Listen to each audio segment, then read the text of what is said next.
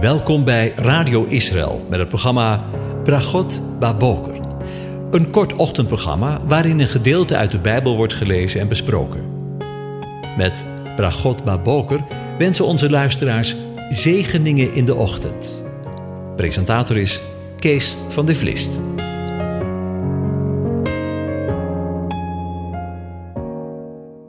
Goedemorgen, beste luisteraars. Vanmorgen gaan we weer verder met de behandeling van Psalm 8. Ik lees het aan je voor. De majesteit van de Heere. Een psalm van David voor de koorleider, op de Gittit. Heere, onze Heere, hoe machtig is uw naam op de hele aarde, u die uw majesteit gesteld hebt boven de hemel. Uit de mond van de kleine kinderen en zuigelingen hebt u een sterk fundament gelegd omwille van uw tegenstanders, om de vijanden en wraakzuchtigen te laten ophouden. Als ik uw hemel zie en het werk van uw vingers, de maan en de sterren die u hun plaats gegeven hebt, wat is dan de sterveling dat u naar hem denkt? En de mensenzoon dat u naar hem omziet? Toch hebt u hem een weinig minder gemaakt dan de engelen, en hem met eer en glorie gekroond. U doet hem heersen over de werken van uw handen.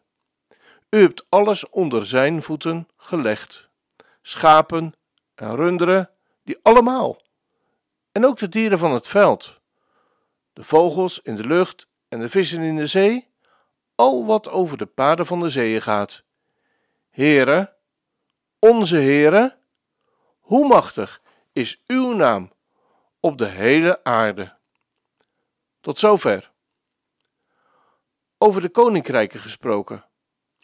We gaan nu verder met het vervolg van Psalm 8, waar we aan het nadenken zijn over de eerste mens, Adam, die drie opdrachten van God ontving.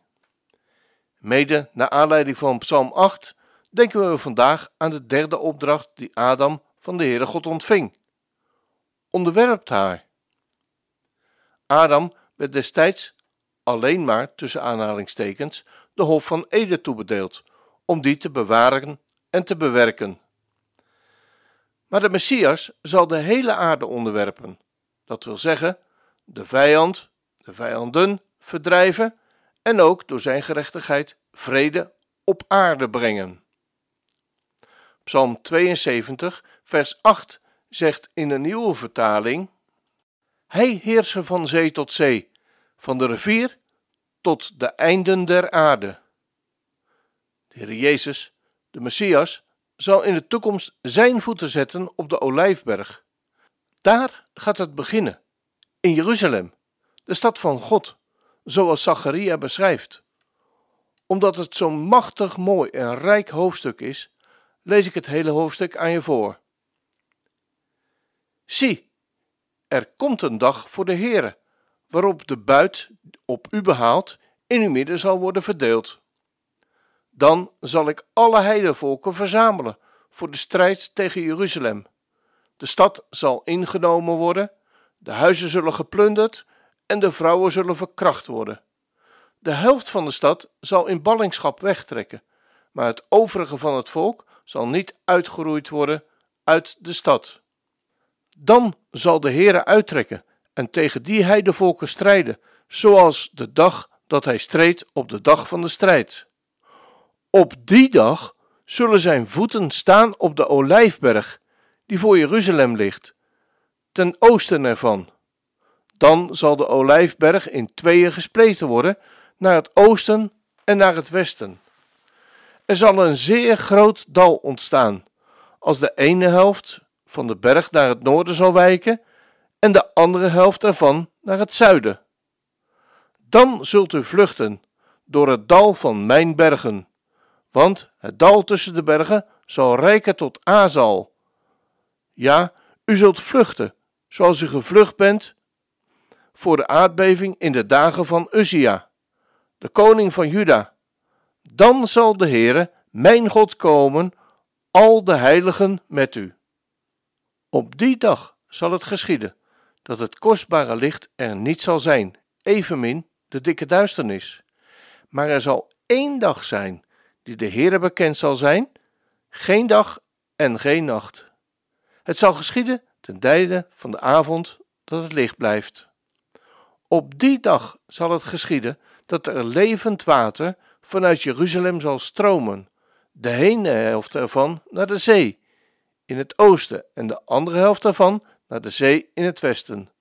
Zomers en winters zal het plaatsvinden. De Heere zal koning worden over heel de aarde.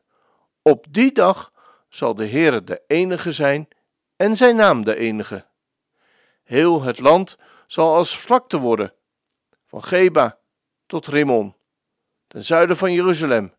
Maar Jeruzalem zal verheven worden en op zijn plaats bewoond blijven, van de poort van Benjamin af tot de plaats van de vroegere poort toe, tot aan de hoekpoort, en van de Hananeeltoren af tot aan de perskuipen van de koning.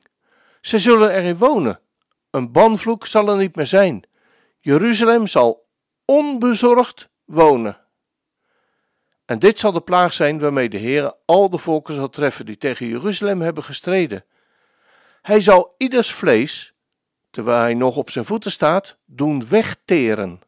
De ogen van allen zullen wegteren in hun kassen en de tong van allen zal wegteren in hun mond. Op die dag zal het geschieden dat er een grote, door de Heere bewerkte, verwarring onder hen zal ontstaan, zodat zij elkaars hand zullen vastgrijpen en tegen elkaar de hand zullen opheffen.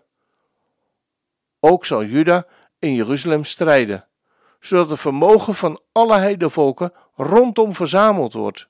Goud, zilver en kleding in zeer grote hoeveelheden. En zo zal de plaag die de paarden, de muildieren, de kamelen, de ezels en al de dieren die zich in het leger kan bevinden, zal treffen, dezelfde zijn als die plaag. En het zal geschieden dat al de overgeblevenen van de heidevolken, die zich tegen Jeruzalem zijn opgerukt, van jaar tot jaar zullen opgaan, om zich neer te buigen voor de koning, de Heere van de legermachten, en om het Lofuttefeest te vieren. Het zal geschieden dat er geen regen zal vallen op hem die uit de geslachten van de aarde niet zal opgaan naar Jeruzalem om zich voor de koning, de Heere van de legermachten, neer te buigen. Als het geslacht van de Egyptenaren, waarop geen regen is gevallen, niet zal opgaan en komen, dan zal de plaag komen, waarmee de Heere de heidevolken zal treffen, die niet zullen optrekken om het Lofuttefeest te vieren. Dit zal de straf zijn voor de zonde van Egypte en de straf voor de zonde van alle heidevolken die niet zullen opgaan om het Lofuttefeest te vieren. Op die dag zal op de bellen van de paarden staan, heilig voor de Heere. En de potten in het huis van de Heere zullen zijn als springbekkens voor het altaar. Ja, al de potten in Jeruzalem en Judea zullen voor de Heere van de legermachten heilig zijn, zodat alle die willen offeren, zullen komen en ervan nemen om erin te koken. Op die dag zal er geen Kanaaniet meer zijn in het huis van de Heere van de legermachten. Tot zover. Kijk, of je nou gelooft of niet, maar de woorden van de Heere God zijn er heel precies in.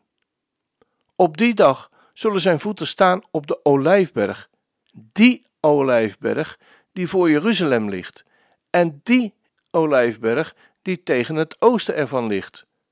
Je hoeft je dus niet af te vragen waar hij komt en waar hij terugkomt.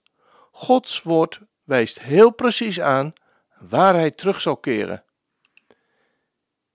In hoofdstuk 8 profeteert Jeremia: Zo zegt de Heere: Ik ben naar Sion teruggekeerd en ik zal in het midden van Jeruzalem wonen. Jeruzalem zal de stad van de waarheid genoemd worden, de berg van de Heere, van de legermachten, de heilige berg. En wie Zacharia verder leest, komt onder de indruk van het komende heil van God. Dat begint bij een teruggekeerd, gelovig Israël. Wie kan zich voorstellen dat straks veel volken zullen komen en machtige heidevolken om de Heere van de legermachten in Jeruzalem te zoeken en om het aangezicht van de Heere gunstig te stemmen, zoals Zacharia 8 vers 22 zegt? De Messias onderwerpt de aarde. Het koninkrijk zal zich vanuit Jeruzalem uitbreiden. De Heere zal koning worden over de hele aarde. Als dat geen zegen is? We gaan luisteren naar een lied dat je misschien niet zo snel zou verwachten bij deze inleiding, maar ik hoop dat je me vergeeft. We gaan luisteren.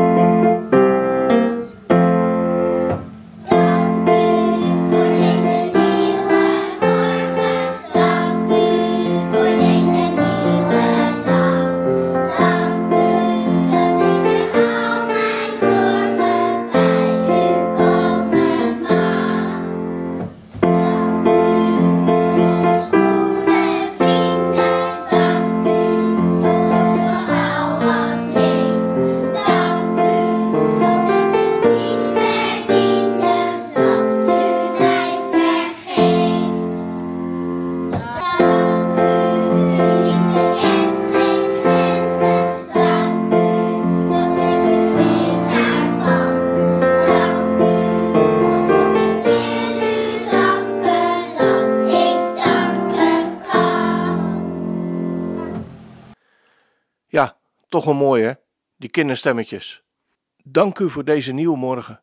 Dank u voor deze nieuwe dag. Ja, daar mogen we elke dag voor danken. Maar misschien zingen ze ook wel over die nieuwe dag, waarover we zojuist spraken. We zien naar uit. Elke dag. En dank u voor deze nieuwe dag. Ik wens je een van God gezegende dag toe.